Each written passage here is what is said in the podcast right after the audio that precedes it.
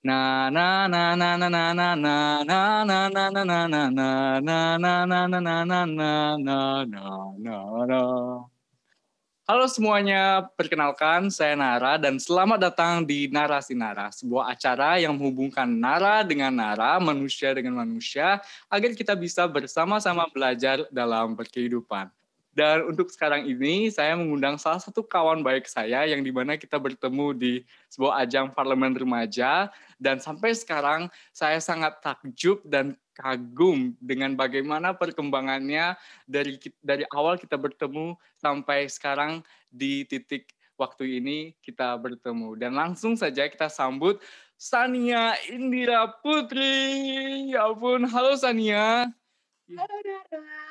Kita semua dengar kabar kamu lagi isoman dan gimana kabar kabar kamu sekarang? Alhamdulillah kabarnya udah pulih, aku udah nggak panas, aku udah nggak batuk juga kayak biasanya. Udah pulih lah, udah seperti biasa, cuma nanti tinggal isoman ini hari ke-11 kurang sekitar berapa? Tiga hari lagi. Gitu. Wah, bersyukurlah belum ada gejala-gejala, semuanya sudah pulih. Ya. Aku berdoa semoga uh, kamu dan keluargamu benar-benar bisa pulih total. Dan ya, ya. keren banget Sania di lagi masa-masa isoman PPKM yang diperpanjang, PPKM level 4 ya ampun, benar-benar gila kondisi COVID-nya. Itu bukan ya. halangan buat kamu dan buat kita semua untuk berproduktif di dalam kondisi yang seperti ini. WA uh, teman-teman uh, by the way Sania itu adalah orang yang orang-orang yang sangat orang yang sangat gimana ya sangat berkarakter sangat keren, keren inspiratif ya, gitu lah. aja. Iya.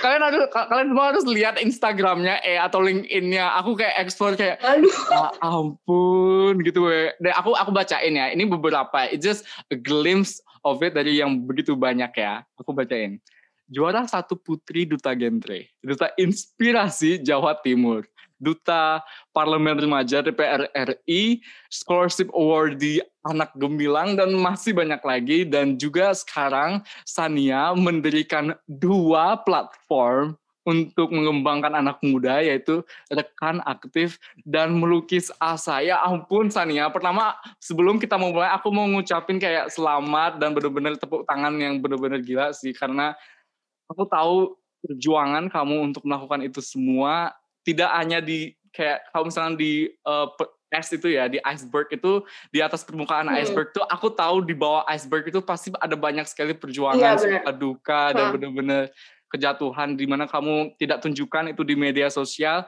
tapi kamu bisa berhasil mencapai di titik yang sangat luar biasa ini. Aku pengen ngasih a full high appreciation yang secara personal kepada diri kamu Sania. Benar-benar hebat Oke, okay, makasih. Sebenarnya biasa aja loh, tapi aku punya teman kayak Nara yang bisa kayak uh, memberikan apa sih impact ke teman-teman lainnya kayak mereka dia mengenalkan teman-teman yang dia kagumi itu ke orang-orang itu juga salah satu bentuk yang sangat luar biasa soalnya jarang orang yang bisa apresiasi sampai segininya. Iya iya iya. Karena memang kita Bener. semua aku aku pribadi merasakan ya kalau misalnya di di luar itu mungkin kita menunjukkan uh, pencapaian-pencapaian yang kita lakukan. Tapi hmm. uh, di balik itu pasti ada banyak perjuangan-perjuangan yang tidak semua orang hmm. rasakan dan aku benar-benar merasakan hal itu Sania dan pastinya Sania merasakan ya, hal yang lebih dalam lagi dengan uh, lingkungan yang memang kita yang mungkin agak berbeda gitu. Yang pun Sania Oke. Terima kasih ya Nara udah ngundang aku di sini. Iya ya Aku merasa tersanjung. Iya iya iya. Aku juga terima kasih kamu bisa uh, mau untuk hadir di tempatku ini. Oke, Sania, um, melihat pencapaian dan hmm. dan kayak penghargaan-penghargaan yang kamu dapatkan, aku pengen throwback dulu ke memori awal. Mengapa kamu memulai semua ini? Mengapa kamu termotivasi atau apa yang memotivasi kamu semenjak uh, mungkin semenjak kamu me, bertemu di titik untuk di pencapaian pertama untuk terus melakukan pencapaian-pencapaian selanjutnya dan berani berjuang melewati kegagalan-kegagalan dan sampai di titik ini, di Sania sekarang ini. Apa yang menjadi motivasi terbesar kamu yang itu selalu kamu ingat lagi why do you started ketika kamu merasa tidak termotivasi? Oke. Okay. Uh, eh, sebenarnya mungkin pepatah ini sangat tepat ya untuk menggambarkan. Aku selalu pegang, aku punya suatu kutipan yang aku buat gini burung itu terbang dengan sayapnya sedangkan manusia itu dengan impiannya jadi Iya, burung itu bisa terbang karena dia punya organ kayak kita, dia punya sayap. Sedangkan manusia dia nggak bakal bisa terbang kalau dia tidak punya keinginan dan uh, suatu apa sih suatu hal yang bisa dia lakukan secara terus-menerus. Jadinya kita sendiri yang harus bisa mengandalkan diri kita. Kita tidak bisa mengandalkan diri orang lain kalau kita tidak mau berjuang gitu. Jadi ya kalau mau mencapai suatu hal ya kita harus berjuang sendiri. Itu sih yang menjadi pegangan dari dulu. Aku nggak bisa menggantungkan kepada orang tua karena memang tidak ada pilihan. Aku merasa gini sih Nara. Uh, misal nih orang-orang itu mungkin yang punya privilege, mereka itu hidupnya mm -hmm. itu akan lebih apa sih kayak aman-aman aja gitu. Dia merasa aku nggak perlu lah nyari uang kayak kan orang tua aku punya mereka dari orang berada. Sedangkan aku merasa bahwa memang di dalam lingkungan sekitar pun di lingkungan keluarga aku itu nggak ada yang PNS nggak ada yang sarjana. Dan aku merasa bahwa aku punya tanggung jawab besar untuk mengangkat derajat orang eh, keluarga. Jadinya itu menjadi suatu hal yang memang harus aku perjuangkan. Jadinya aku ini nggak punya backingan di masa depan. Aku selalu merasa bahwa aku itu tidak punya backingan, aku tidak punya orang yang bisa diandalkan, meskipun ada pun aku tidak boleh menggantungkan diriku pada orang itu. Karena kan kita tidak tahu di masa depan ini orang ini entah nanti kayak gimana kondisinya, kita nggak tahu takdir kan ya. Dan mm -hmm. cuma aku yang bisa mengandalkan diriku. Akhirnya dari situlah aku termotivasi untuk terus kayak uh, berusaha gimana pun caranya sebisa mungkin aku bisa mengupgrade diriku di segala bidang. Jadinya aku tidak mungkin orang bilang kayak ikuti aja minat bakatku. Iya benar, tapi kita itu nggak bakal tahu kalau kita nggak mencoba dulu. Jadi aku waktu masih SMP SMA itu kan pasti anak-anak yang kepo dengan segala hal ya. Kita pasti uh -huh. mencoba berbagai ranah misal organisasi. Aku pengen nyoba organisasi ini ya, ekskul ini ya kan paling banyak banget kan di SMA ekskul ekskul itu. Nah, aku tuh coba semuanya kayak mulai dari olimpiade, mungkin uh, astronomi, fisika kayak gitu. Aku tuh dulu uh, ikut OSK, Olimpiade Sains Kota uh, Astronomi waktu di sekolahku. Terus habis itu aku coba juga di bidang poster seni. Aku suka banget di bidang seni dan itu seni itu nggak hanya melukis aja, mulai dari mading, terus habis itu bikin maket kayak arsitek gitu, terus habis itu uh, mungkin seni yang kayak kita tampil di depan, kayak kita narasi dan sebagainya, baca puisi, nulis puisi, terus habis itu mungkin olahraga itu aku nggak begitu suka. Memang aku nggak nggak bisa ya, emang nggak hmm. bisa ini udah dicoba juga nggak bisa. Renang pun sampai sekarang nggak bisa, jadi aku merasa emang bukan jalannya. Gitu. Terus nulis buku, nulis sampai aku pernah ditawarin buat nulis buku sama guru SMP buat diterbitkan, tapi karena aku merasa aku masih pengen tahu bu. Eh bu aku pengen masih pengen menghadapi rintangan ke depan kayak gimana. Baru kalau aku udah mencapai titik di mana aku merasa ah, diriku ini sukses baru aku nanti akan nulis perjuanganku seperti apa kayak gitu. Terus habis itu uh, aku mengikuti berbagai lomba. Mulai dari aku itu sebenarnya nggak orang yang nggak betul minat di politik ya nah. Tapi uh -huh. ke, akhirnya aku kepo kayak politik seperti apa sih? Akhirnya daftar parja terus uh, aku ke aku tuh kepo ke, uh, kegiatan diplomat kayak di luar negeri itu seperti apa sih? Terus uh, nanti ke bahasan kayak sosial-sosial itu seperti apa? Akhirnya aku daftar di Indonesia Student Unit dan event-event lainnya. Terus aku kepo juga kayak kenapa sih perempuan-perempuan itu diintimidasi dan terus kenapa sih ada pelecehan seksual dan sebagainya? Akhirnya aku terjun juga di bidang itu. Jadi hampir semua kayak bidang-bidang itu aku terjun karena aku memang merasa aku tuh anaknya tuh kayak uh, ingin mencari lebih banyak gitu. Dan itu harus diriku sendiri nggak mau dari orang lain jadinya kalau bisa dibilang ambis sih sebenarnya ambisnya itu bukan karena ingin bersaing dengan orang lain, tapi karena ingin ya, menjadi lebih baik dari masa lalu, bukan oh. ingin aku menyanyi orang lain. Jadi aku ingin menjadi hmm. lebih baik dari diriku yang ada di masa lalu gitu. Jadi yeah. setiap hari itu berusaha kayak belajar belajar terus dari mana pun dan kapan pun dan siapa pun. Jadi nggak hanya dari buku. Mungkin orang lain ya belajar ya belajar itu dari buku. Enggak belajar itu mungkin dari sini dari cerita teman-teman juga terus habis itu dari pengalaman orang lain dan sebagainya. Nah dulu nih waktu SMP aku pernah banget di titik terendah. Waktu uh -huh. aku kelas 6 SD eh 6 uh, SMP ya SMP kelas 8 itu orang tua aku eh ayahku tuh di PHK nah bayangin tuh di PHK dan yeah. dalam keadaan seperti itu itu aku benar-benar titik terendah di mana aku tuh setiap hari harus naik angkot. Kayak aku naik angkot dan itu harus jalan di depan rumah sekitar mungkin berapa ya? Hmm, jauh banget deh pokoknya. Pokoknya jauh dan apalagi kalau hujan itu aku harus duduk di tempat tukang sate dan sendirian kayak petir dan sebagainya. Itu pakai hmm. seragam sekolah dan bajunya itu putih jadinya harus nincing terus dari yeah, situ yeah, setiap yeah. pagi itu pernah nunggu angkot itu sekitar lama banget. Dan itu di kayak digoda-godain sama orang gila itu sering banget kayak gitu jadi mungkin orang-orang lihat kayak kesannya enak ya hidupnya enggak dulu itu perjuangan banget bahkan buat sekolah pun itu harus jalan kaki dulu jauh banget yeah. dulu angkot saat teman-teman lain dijemput pakai mobil terus uh, orang tuanya aku karena aku dulu sekolahnya di SMP-nya di kota dan SMP itu tuh kayak dibilang bisa dibilang tempatnya orang-orang yang memang berada gitu mm-hmm. aku mengalami kultur shock ketika aku masuk situ sehingga peringkatku itu peringkat aku peringkat terakhir di kelas waktu itu yeah, peringkat dua 20 kalau nggak salah uh-huh. dan aku dulu adalah waktu SD itu peringkat satu terus karena kan desa. Nah waktu pindah yeah. karena aku cultural shock benar. Jadinya karena bukan cultural karena aku ngerasa kayak aku nggak mampu untuk pelajaran enggak, tapi karena mental tekanan mental dan melihat teman-temanku di sana itu punya privilege yang benar-benar aduh aku nggak bisa menyanyi, aku merasa minder gitu. Mm-hmm. Akhirnya itu ngaruh kan ke uh, semangat belajarnya, terus nilainya dan sebagainya gitu. Oh, dan ya. aku pengen banget tuh rasain kayak tiba-tiba dijemput orang tua kayak gitu. Itu aku sampai batin ke diri kapan ya aku besok? Kayak gitu. Nah akhirnya termotivasi kayak kalau aku nggak bisa ngerasain seperti ini suatu saat anakku nggak boleh ngerasain apa yang aku rasain. Jadi aku yes. harus berjuang dari sekarang aku harus prepare dari sekarang. Kayak gitu. Karena yang bisa ngerubah nasib kita itu ya diri kita, diri sendiri. sendiri. Kita nggak bisa sekali lagi kita nggak bisa um, menggantungkan diri pada orang lain kan. Nah yeah. udah. Itu aku setiap hari bekal karena aku pengen beli ah, aku tidak ingin bawa kedua orang tuaku jadi bayar buku atau dulu kan pasti bayar kan LKS paket gitu kan nah itu aku selalu pakai uangku jadi aku bayar guru itu ya receh-receh kayak seribuan dua ribuan karena dari mm -hmm. dari nabung itu aku dulu sanggupnya cuma lima ribu nah dan naik angkot tuh dua ribu jadi sisa tiga ribu dan mm. itu ya aku puterin terus aku setiap hari uh, bekal kayak gitu. Kalau pengen jajan baru aku jajan. Itu waktu olahraga aja. Dan mm-hmm. seperti itulah kayak aku tuh nggak tahu kenapa nggak ada minat aja ke kantin gitu.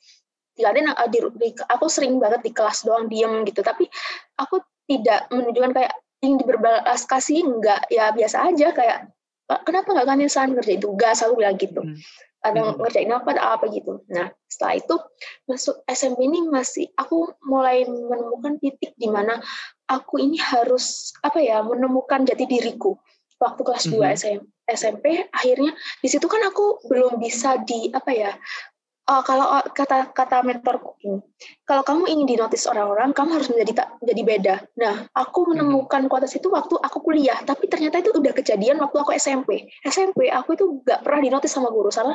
Aku bukan orang yang berada kan, ya kamu tahu sendiri karena orang itu pasti notisnya orang-orang yang cantik, terus dan sebagainya. Aku bingung aku pinter juga gak pinter-pinter banget matematika juga gak pinter gak pernah ringkat satu di kelas. Gimana ya caranya supaya orang notice aku dengan prestasi bukan karena kejahilanku? Akhirnya waktu itu ini panjang banget ya Norma nggak apa-apa nggak aku bener-bener enjoy dengerin ini wait ayo kamu jelasin cerita awal dan sampai akhir gimana kamu detik ini. Aku bener-bener menikmatinya. Lanjut lanjut. Oke udah.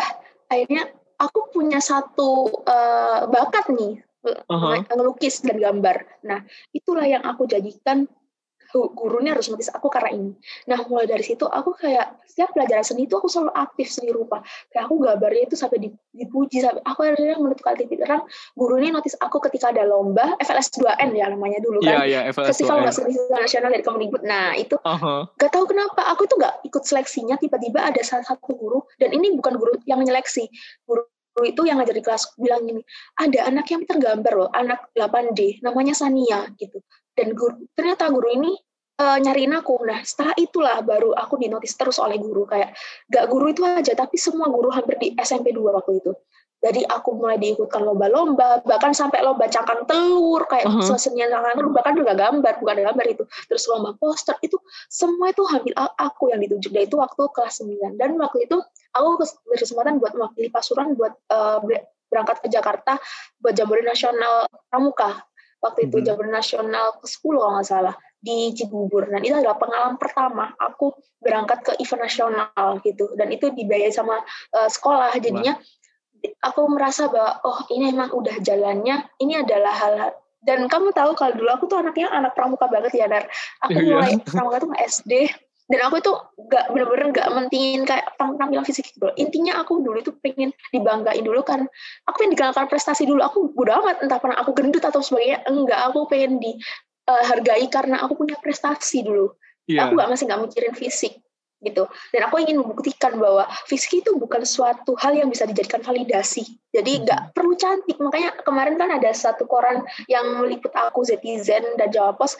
Aku bilang kalau nggak harus cantik untuk dapat validasi. Karena itu hmm. berdasarkan pengalamanku juga. Aku hmm. berusaha membuktikan bahwa perempuan-perempuan semua itu cantik asal dia punya hal-hal yang memang uh, bisa dia apa membuat dia dia punya pencapaian gitu loh uh-huh. Harus cantik aku belum yeah, yeah. tekankan itu karena aku merasakan gimana cara, uh, rasanya nggak dihargai karena nggak cantik gitu yeah. akhirnya oh, setelah Terus? itu uh, asal sampai mana ya tadi pokoknya udah kan aku berangkat itu itu aku pramuka itu dulu detail banget dan aku tapi konsisten kayak inilah teman-teman kalau kalian punya mimpi kalian harus konsisten untuk memperjuangkannya.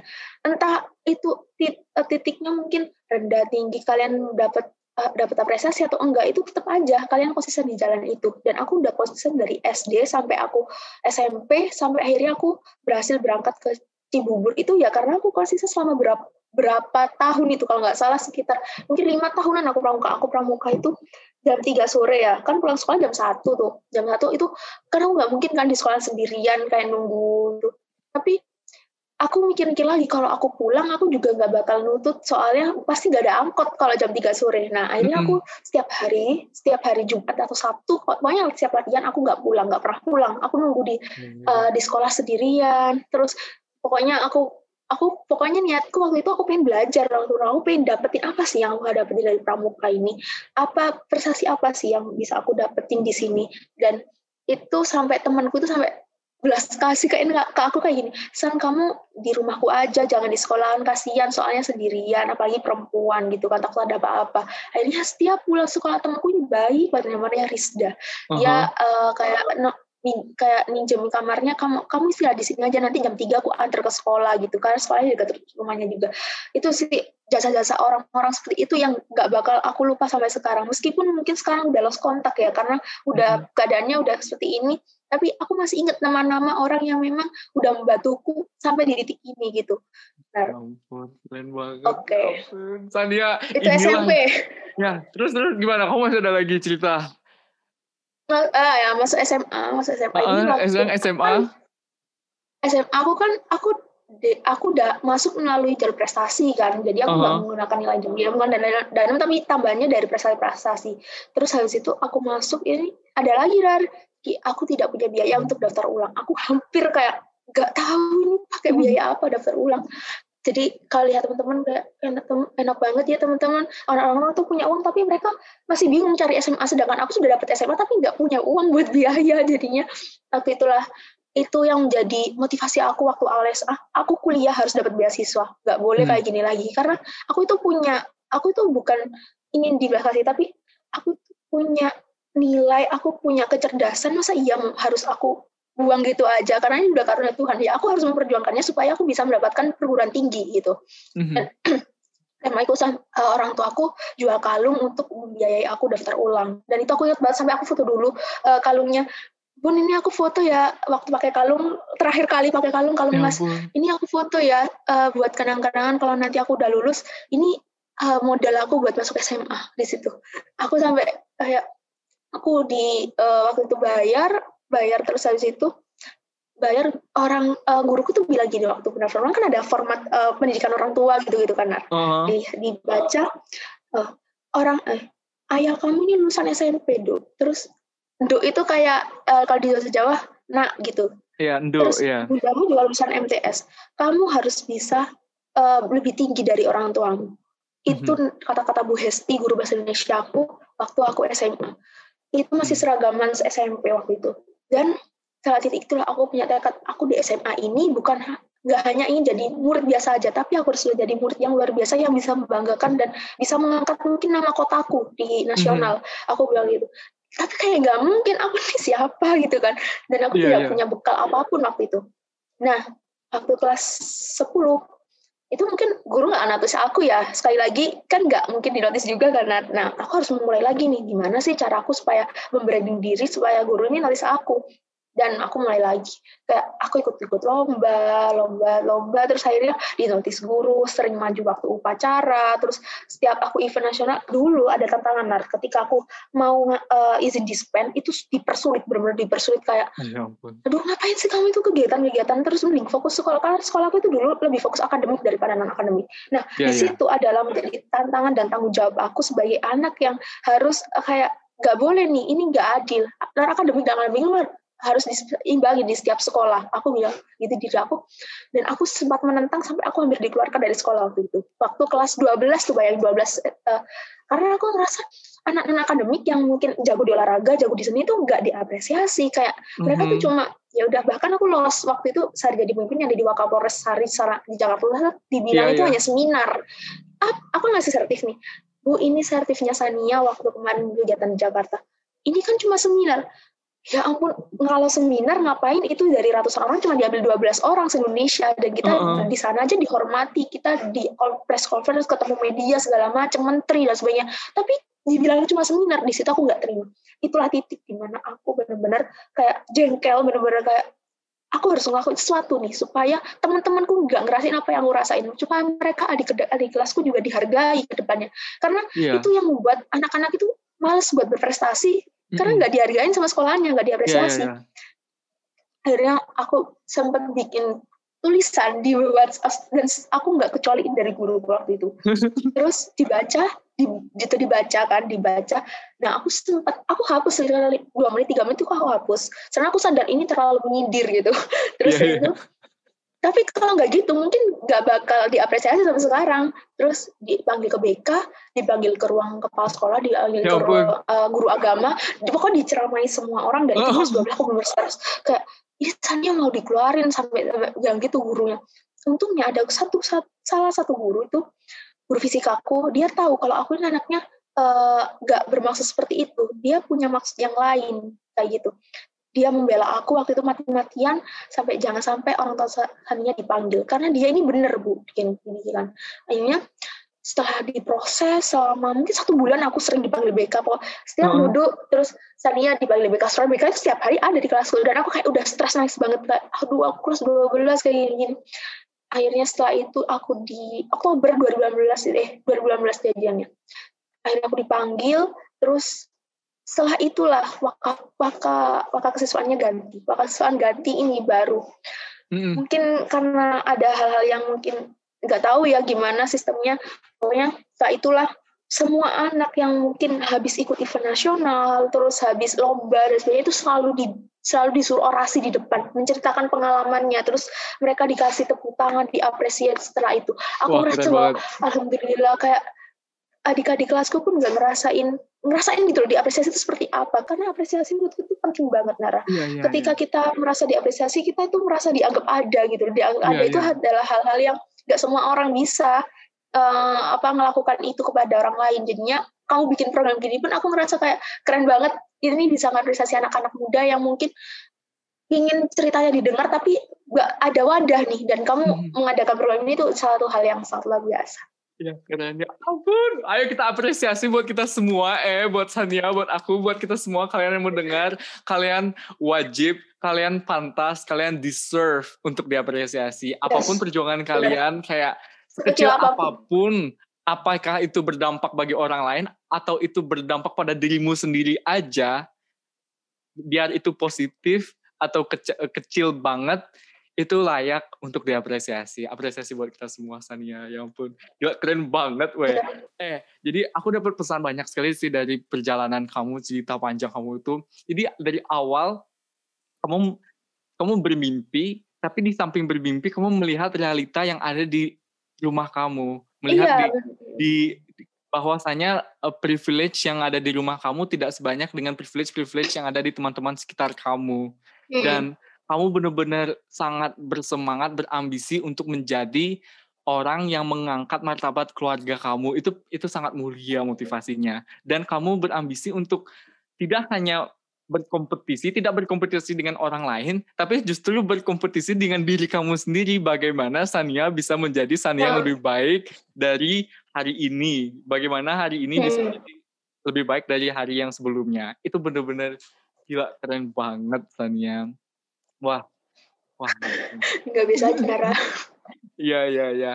Ah, dan kita semua perlu apresiasi, kita semua perlu validasi, dan kamu benar-benar mendapatkannya walaupun banyak sekali perjuangan yang harus dilakukan untuk bisa Hmm. mendapatkan hal itu.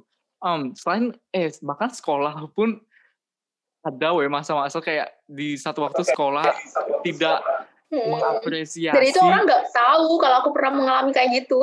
Iya weh, ya ampun. Eksklusif loh ini. Mm, mm, mm, mm.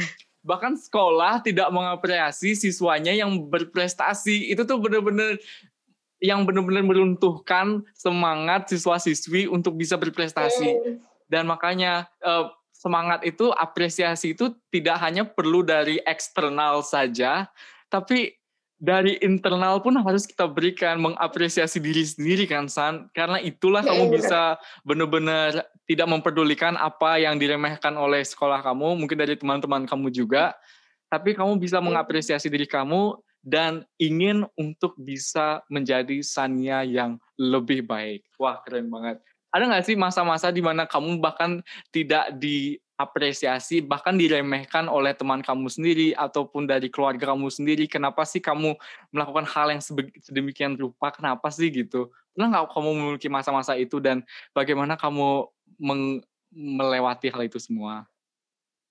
Oke, masa-masa kayak gitu tuh pasti ada ya setiap orang aku yakin pasti ada dan eh, beda-beda ya kayak gimana pengalamannya. Tapi yang aku rasain itu ketika aku speak up masalah hak anak dan hak perempuan. Orang-orang itu Hmm. menganggap kayak aku nih, kamu tuh sok ngide, sok aktivis lah, sok kamu itu masih usia aku itu aku masih mulai kampanye kayak gitu-gitu tuh usia 16 tahun ya Nar.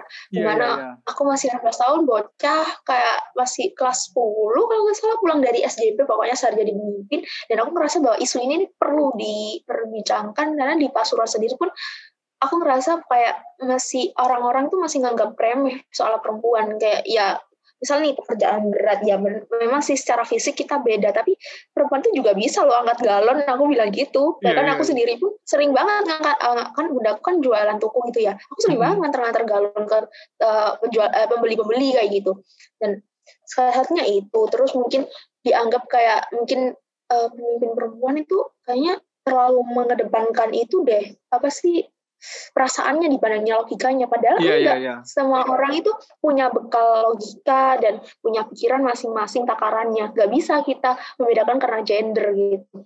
Dan Hmm. itulah kayak aku sering banget dikatain aktivis terus gitu aku sempat cerita waktu itu diliput sama Warta Bromo aku di situ nangis. Soalnya eh, ngelihat eh, realitanya kayak gini aku dan aku nggak ngerti sebagai remaja ini harus ngapain. Dan salah satunya hal yang bisa aku lakukan adalah kampanye melalui media sosial. Karena aku ingin buktikan meskipun aku nggak bisa kampanye turun ke jalan-jalan karena mungkin masih usianya belum 17 tahun waktu itu dan orang tua aku juga pasti bakal ngelarang karena anaknya ini kok gini gitu. Ini nurun siapa gini kan kan. Mhm. aku aku punya aku memanfaatkan apa yang fasilitas yang diberikan orang tua aku mungkin hanya handphone tapi dari handphone ini aku merasa bisa merubah keadaan sekitarku dan mindset orang-orang gitu aku Hmm. berusaha aku belajar baca-baca dari internet terus aku ras ikut-ikut event yang sehubungan dengan hal-hal isu-isu seperti itu. Aku gabung organisasi forum anak waktu itu. Dan di situlah aku mulai kampanye dikit-dikit. Kampanye itu nggak langsung masuk ayo stop eh, stop eh, perkawinan anak gitu. Enggak aku yakin orang-orang nggak bakal tertarik. Dan aku punya iya, cara kayak iya. aku harus cara sendiri nih supaya menarik perhatian orang-orang. Nah kasih tuh kayak ber- berita-berita yang kayak mungkin orang bikin kaget wah ternyata perkawinan anak tuh banyak banget ya di Pasuruan. Oh ternyata eh, pacaran tuh yang pacarannya nggak sehat toxic relationship tuh dampaknya seperti ini ya.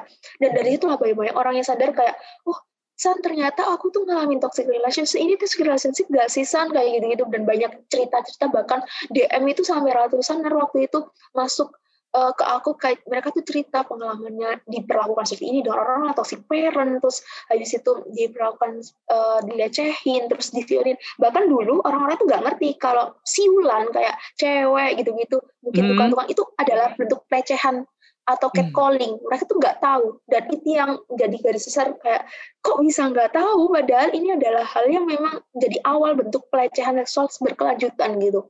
Oh ya itu sih. Ya terus aku mulai berusaha kayak membuka membuka diskusi lah diskusinya tuh kayak teman-teman setuju nggak sih kayak gini melalui uh, waktu itu ada fitur baru kan Q&A itu langsung aku manfaatin kayak yeah, yeah, aku yeah. pengen juga dengerin pendapat dari orang-orang karena di sini kan ranahnya bukan hanya aku yang benar aku juga perlu koreksi gitu mm -hmm. dan aku butuh kritik dan aku butuh kayak sebenarnya teman-teman ini pemahamannya sama mana sih gitu. Dan itulah mulai ada ada yang jawab jawab terus diskusi diskusi mm -hmm. akhirnya itu berjalan sama sampai sekarang. Mungkin aku kan banget kan ngadain KNA KNA gitu sampai sekarang 2021 jadi sekitar berapa ya nar tiga. 2018 19 tiga tahunan lah tiga tahunan lebih. Itu ya, dan orang-orang mulai tahu oh Sania itu mulai apresiasi kayak keadaanku gitu uh, keberadaanku oh kalau pengen tahu masalah isu, isu so, uh, anak dan sosial itu bisa mungkin kalau uh, tanyanya ke Sania, diskusi dari Sania kayak gitu. Karena tapi di setiap diskusi aku tidak selalu ingin membenarkan diriku karena mungkin pemahamanku juga nggak seluas teman-teman yang lain atau bagaimana. Aku juga perlu kayak uh, mungkin pengalaman dari orang-orang juga untuk mendalami isu itu gitu. Mm -mm.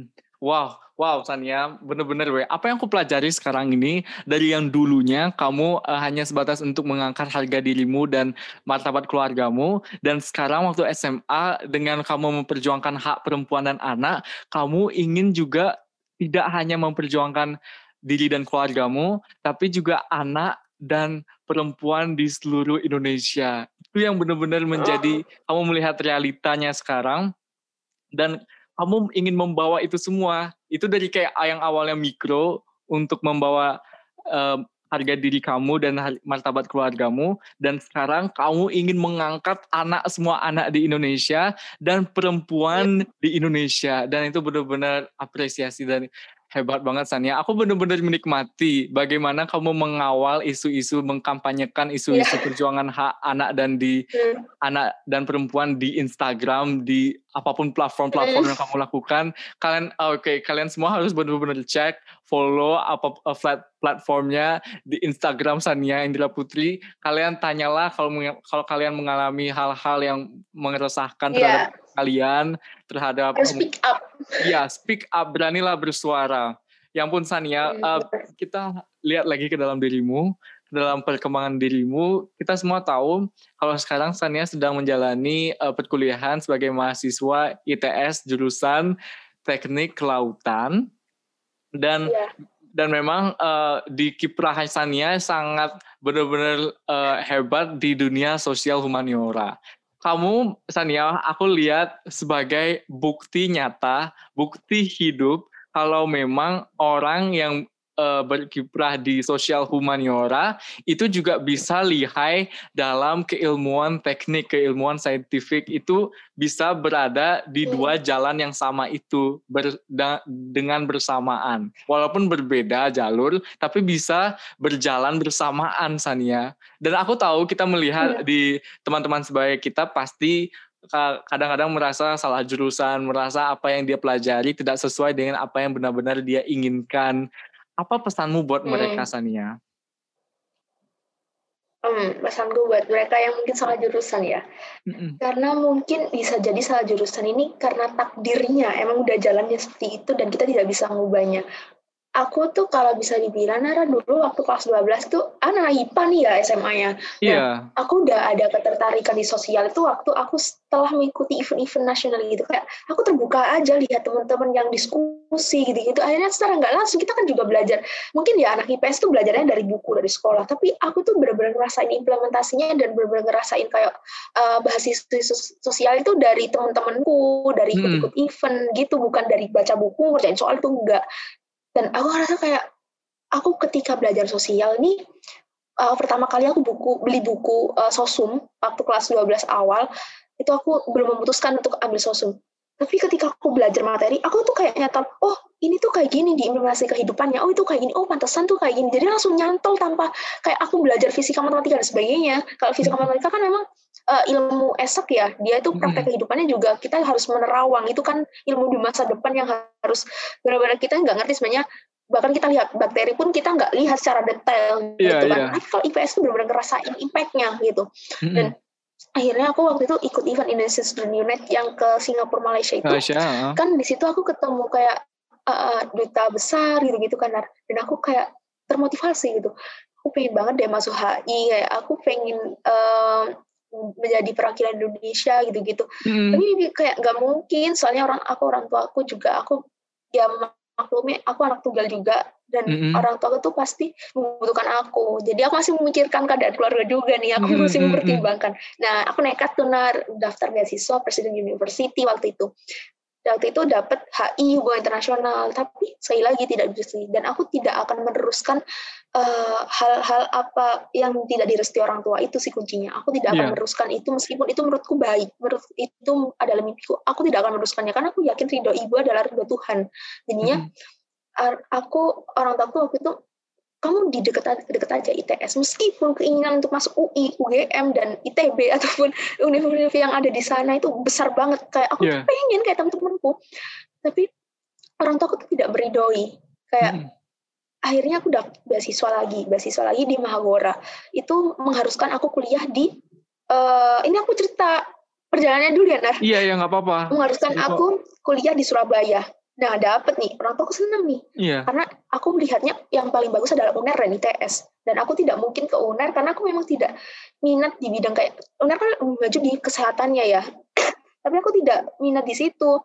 Aku udah tahu aku di mana gitu tapi di situ sosialnya bagus. Aku mikir kayak aku ambil mana ya? Karena aku dulu itu masih belum terlalu kayak teman-teman yang mungkin udah kepo ya jurusan-jurusan itu. Aku enggak kayak aku mengikuti alurnya aja gitu. Mau ke mana mau ke mana itu aku mengikuti alur tidak punya rencana di, di masa depan terkait jurusan gitu. Terus habis itu itu sih salahku. Salahku ini adalah buat teman-teman kelas 12 nih kalian mm -hmm. harus benar-benar cari jurusan dan benar-benar udah kepo kayak tanya-tanya cutting dan sebagainya aku tuh enggak dulu emang terlalu fokus di event dan event, kelas event. 12 ya. Jadi yeah. enggak terlalu uh, masalah jurusan kuliah nanti kuliah kayak gimana? Enggak. Itu yang harus catatan bagi adik-adik kelas 12 terus yang kedua akhirnya aku mm, aku da, dapat beasiswa itu kan udah menjadi awardnya ya. Jadi mm -hmm. jadi lima ribu itu diambil empat. Nah aku lolos di nomor satu. Aku udah aman nih. Enjoy. Nanti tinggal pilih kampusnya aja. Pokoknya di Surabaya urusan nanti di mana-mana aku penting dapat beasiswa gitu. Mm -hmm. udah aman kelas 12 eh ternyata dapat kuota SNMPTN, SNMPTN padahal aku berekspektasi aku nggak bakal dapat soalnya aku jarang sekolah nar aku sekolah hmm. bisa di, kayak sebulan tuh bisa mungkin seminggu terus jarang banget sekolah ujian pun nyusul terus ulangan harian juga langsung tiga empat uh, nyusul gitu nyusul. Akhirnya ternyata dapat urutan gak tinggi tinggi banget pokoknya di tengah-tengah gitu. Nah di tengah-tengah aku bingung nih waduh aku harus ambil saintek nih karena kita tidak boleh lintas jurusan waktu SNPTN di sekolah aku itu yeah. aku ambil apa ya? Nah aku tuh cuma minat di satu uh, jurusan namanya Perencanaan Wilayah dan Kota karena termotivasi dari Bu Risma yang jadi Menteri Sosial sekarang wali kota Surabaya dulu.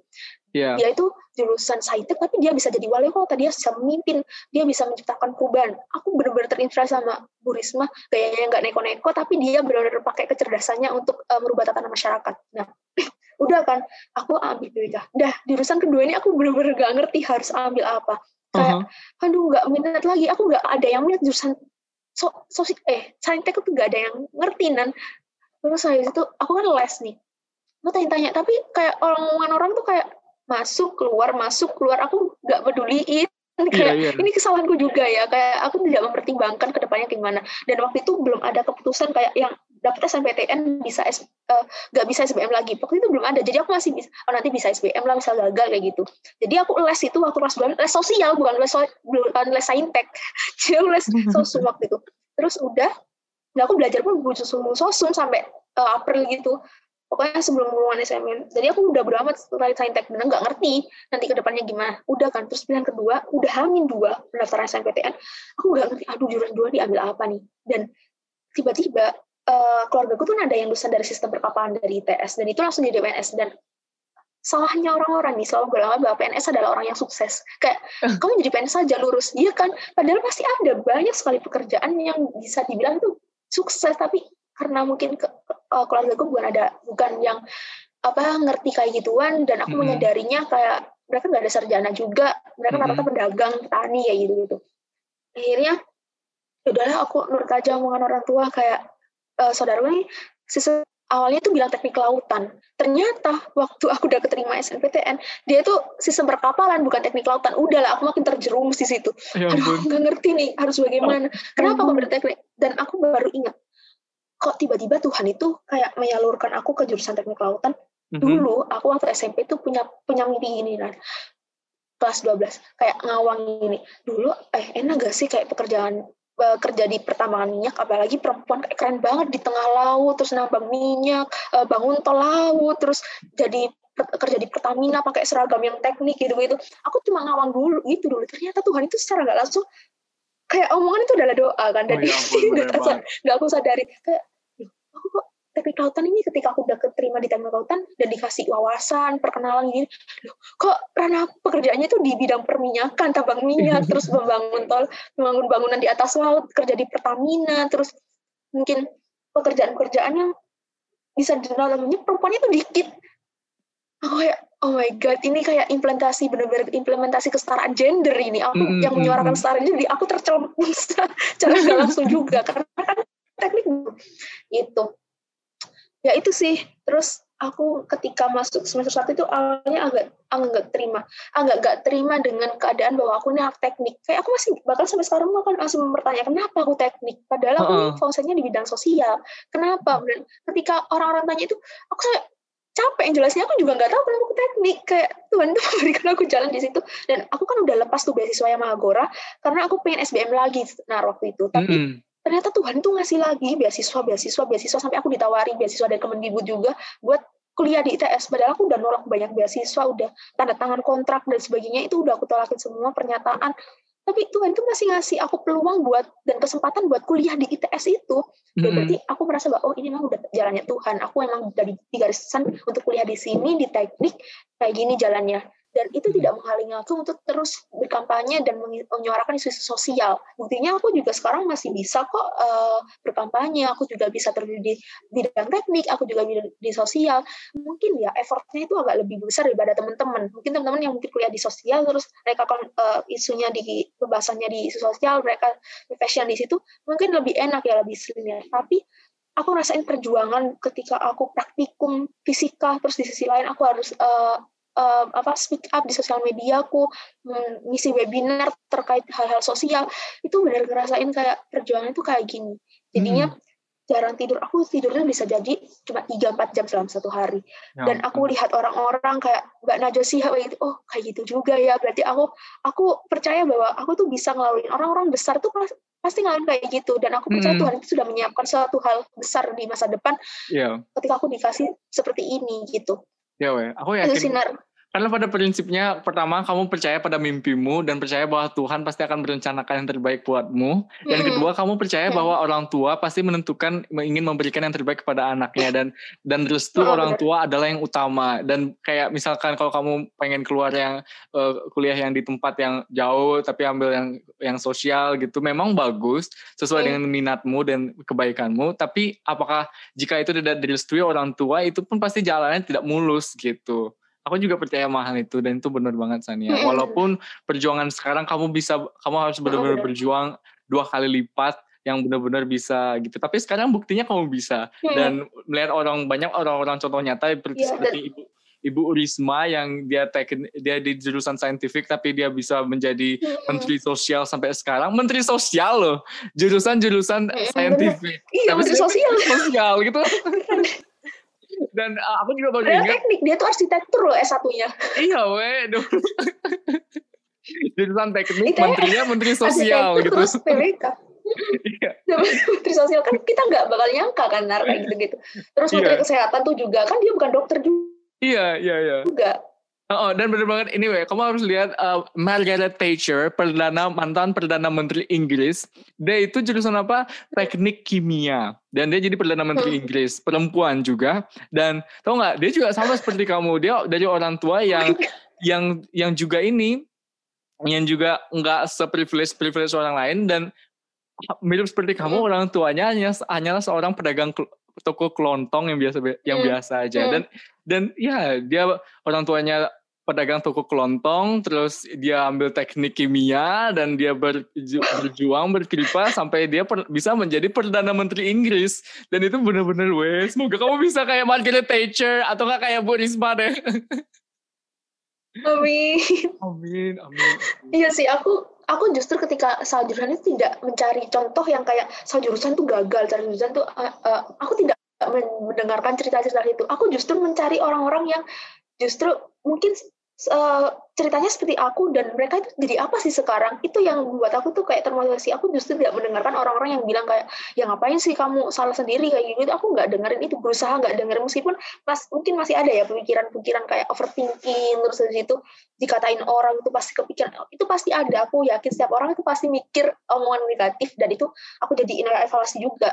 Dan aku melihat uh, cerita-cerita kayak gitu itu justru motivasi aku kayak dia aja bisa. Sama-sama makan nasi kok. Sama-sama manusia pasti bisa. Ya, aku yakin bisa. kayak gitu.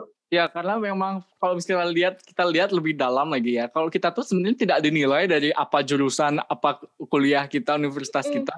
Kita benar-benar dinilai sesederhana bagaimana kita memperlakukan orang lain dan bagaimana kita memperlakukan diri kita sendiri. Kita didefinisikan oleh Betul. itu. Bagaimana kita memperlakukan orang lain dan memperlakukan diri sendiri itu sih yang paling mendasar hmm. dan ya bagaimana kamu yeah. memperlakukan diri kamu dan memperlakukan orang lain itu yang iya, benar-benar melihatkan siapa diri kita bukan jurusanmu bukan bukan universitas yang kamu bawa tapi bagaimana kamu memperlakukan diri kamu dan memperlakukan orang lain kok aku terus ngulang-ngulang ya pokoknya intinya gitu eh itu benar-benar bagus Iya, benar-benar Tara. Bahkan mentorku tuh bilang gini, Nar. Waktu aku sajur, aku tuh kayak semester 2 itu ah semester satu ke semester dua aku tuh bener, -bener kayak kak aku udah nggak mampu kak kayaknya di teknik aku udah capek kayak aduh praktik praktikum tuh nar kalau di teknik itu bisa ngerjain berarti bukan diketik tapi ditulis tangan dan itu perhitungan tuh detail sampai koma koma itu tiga belakang ya, belakang di, ya kayak gitu. Dan itu sampai kita apalagi online ya susah ya kayak praktikum itu kita harus bikin alat sendiri dengan alat seadanya yang mungkin di lab biasanya kan alatnya udah tersedia tapi kita harus mengakali tuh nanti uh, bulatannya tuh pakai apa pakai clearer kayak gitu. Dan kita harus mengakali itu supaya perhitungannya itu pas. Dan itu dikerjain sampai jam 3 subuh jam 4 subuh jarang banget tidur waktu mm -hmm. tuh. Benar-benar kayak aduh aku nggak mau nggak mau terus. Tapi nah, terus. mentormu? bilang gini mentor beasiswaku dari ruang guru. Karena aku udah beasiswa ruang guru kan sekarang. Aku ambil yang itu terus dia bilang gini San kamu kamu ngerasa nggak sih kamu itu warna kuning di antara warna biru? Biru kan alma, alma mater uh, eh, ITS ya? Kayak hmm. kamu tuh warna kuning sendiri. Kenapa kok bisa gitu kak? Soalnya teman-teman kamu mungkin ya teman-teman kamu nih jago ngoding terus mereka jago uh, mungkin AutoCAD terus jago perhitungan dan sebagainya. Tapi kamu sendiri yang jago komunikasi kamu sendiri yang jago bilang sosial. Dan Betul. itu yang akan membuat orang itu notice kamu Mm-hmm. Karena ketika mungkin ada event atau lomba yang ditunjuk itu pasti bakal kamu. Mereka akan tertuju, oh ini nih anak yang beda banget. Ya mungkin kamu ngerasa minder karena teman-teman jago itu. Tapi percaya deh, ketika lingkungan kamu uh, orang-orang yang jago seperti itu, secara langsung kamu juga akan jago. Tapi kamu punya nilai lebih, kamu punya uh, hal-hal yang nggak dimiliki teman-teman kamu. Kamu harus menjadikan itu suatu pandangan yang baik dan jangan melihat yang buruk-buruk aja ketika kamu masuk teknik karena itu akan justru membuat mental kamu down gitu. Jadi itu aku benar-benar termotivasi kayak oke okay, aku ambil job tawaran bicara pembicara. Jadi setelah itu aku terima mm-hmm. tuh kayak orang-orang nawarin aku bicara aku dulu tuh masih gak berani ambil itu karena aku rasa aduh kan teknik gak mungkin kayak gini, gini. aku terima job aku terima kerja sama bahkan aku diajak uh, aku menjadi konten creator di di aku pintar. Jadi hmm. aku pintar itu tahu kan platformnya kayak ruang guru gitu? Jadi yeah, aku yeah, kemarin ditarik kerja di situ dan aku benar kata bundaku kalau orang pintar itu aku tidak menganggap diriku pintar ya. Tapi aku aku pikir juga sih kata bundaku kalau orang pintar itu dia nggak nyari pekerjaan tapi pekerjaan yang nyari dia jadi Yeah. Aku masih kelas semester dua dan orang itu banyak yang nawarin aku kerja sama sampai aku kewalahan bener-bener kayak aku butuh manajer tapi nggak terlalu penting kayak gitu. Kayak aku sampai bingung balesin chat ini yang mana dulu terus nerima tawaran seperti apa dulu karena bener-bener banyak banget tawaran kayak gitu dan ini juga berkat dari restu orang tua juga yang di awal yeah. yang aku uh, ya udahlah aku ikut kata bunda gitu. Oh, itu keren banget. Wah, Gitu. Banyak sekali sih dari apa yang kamu percayai itu terkristalisasikan dengan bagaimana pengalaman-pengalaman hidupmu. Ini pertanyaan pendudukku ya Sania. Dari segala macam perjuangan kamu dari awal sampai titik kamu sekarang Sania, apa yang benar-benar kamu percayai yang nantinya itu akan membuat kamu Sania yang lebih baik lagi di masa depan? Oke, okay. apa yang membuat aku percaya uh, di masa depan adalah aku percaya setiap perjuangan, setiap uh, mungkin ini sederhana ya, terdengar klise juga, tapi aku percaya setiap perjuangan kesekecil apa pun itu akan memberikan suatu hasil yang bisa menjadi lebih baik untuk diri kita sendiri gitu.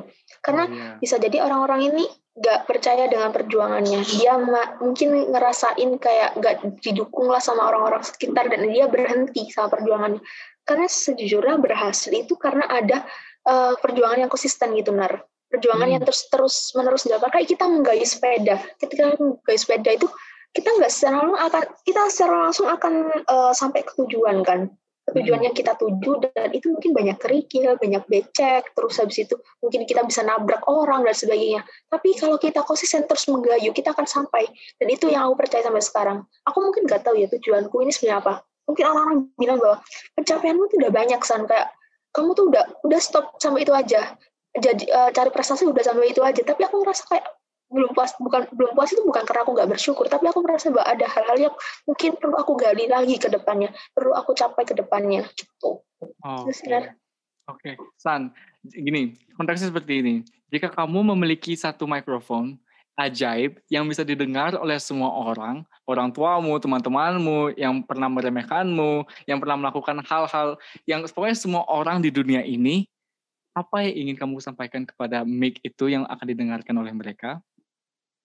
oke Hmm. buat teman-teman di luar sana jangan menjadi heb jangan menunggu menjadi hebat untuk memulai perubahan tapi mulailah perubahan untuk menjadi hebat Hmm. karena banyak orang yang mengira kalau misal kita punya privilege atau kita punya suatu value tertentu baru kita bisa merubah tatanan masyarakat. Padahal bisa jadi orang-orang yang biasa aja. Inilah yang harus memulai kayak mulainya dari mana?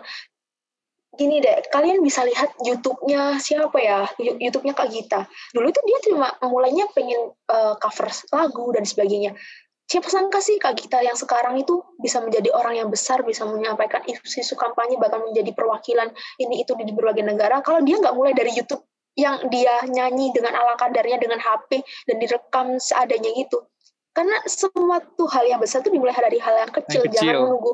Heeh, bener orang-orang tuh nganggap kalau aku tuh harus jadi wali kota dulu untuk melakukan suatu penciptaan perubahan di masa depan. Nggak perlu kalian mulai aja dulu dari hal kecil yang kalian sukai passion kalian terus kalian kembangin dan secara langsung itu bisa menjadi hal-hal yang besar dan bisa jadi bisa berdampak kepada masyarakat gitu teman-teman ini mulai aja dulu Oke, ya ampun. Yang penting mulai aja dulu weh. Betapa kayak entah betapa itu berdampak kecil atau besar, selama itu berdampaknya baik dan itu bisa membuat kalian menjadi diri kalian lebih baik, mulai aja dulu. Jangan ragu, jangan takut.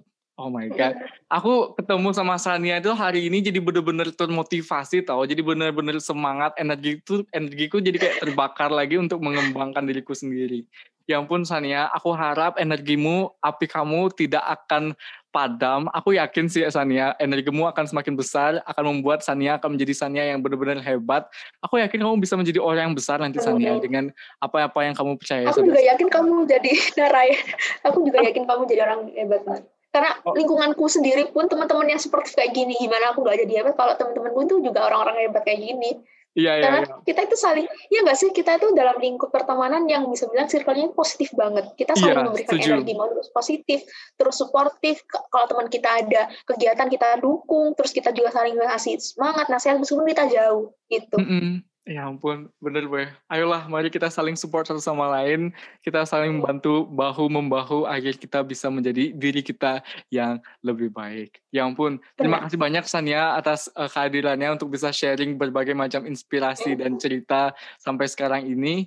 Terima kasih juga para pendengar. Semoga kalian bisa mendapatkan hal-hal yang positif dan yang bisa kalian petik untuk kalian bisa mengembangkan diri kalian. Ya, benar banget yang di- yang dibilang sama Sania mulai aja dulu.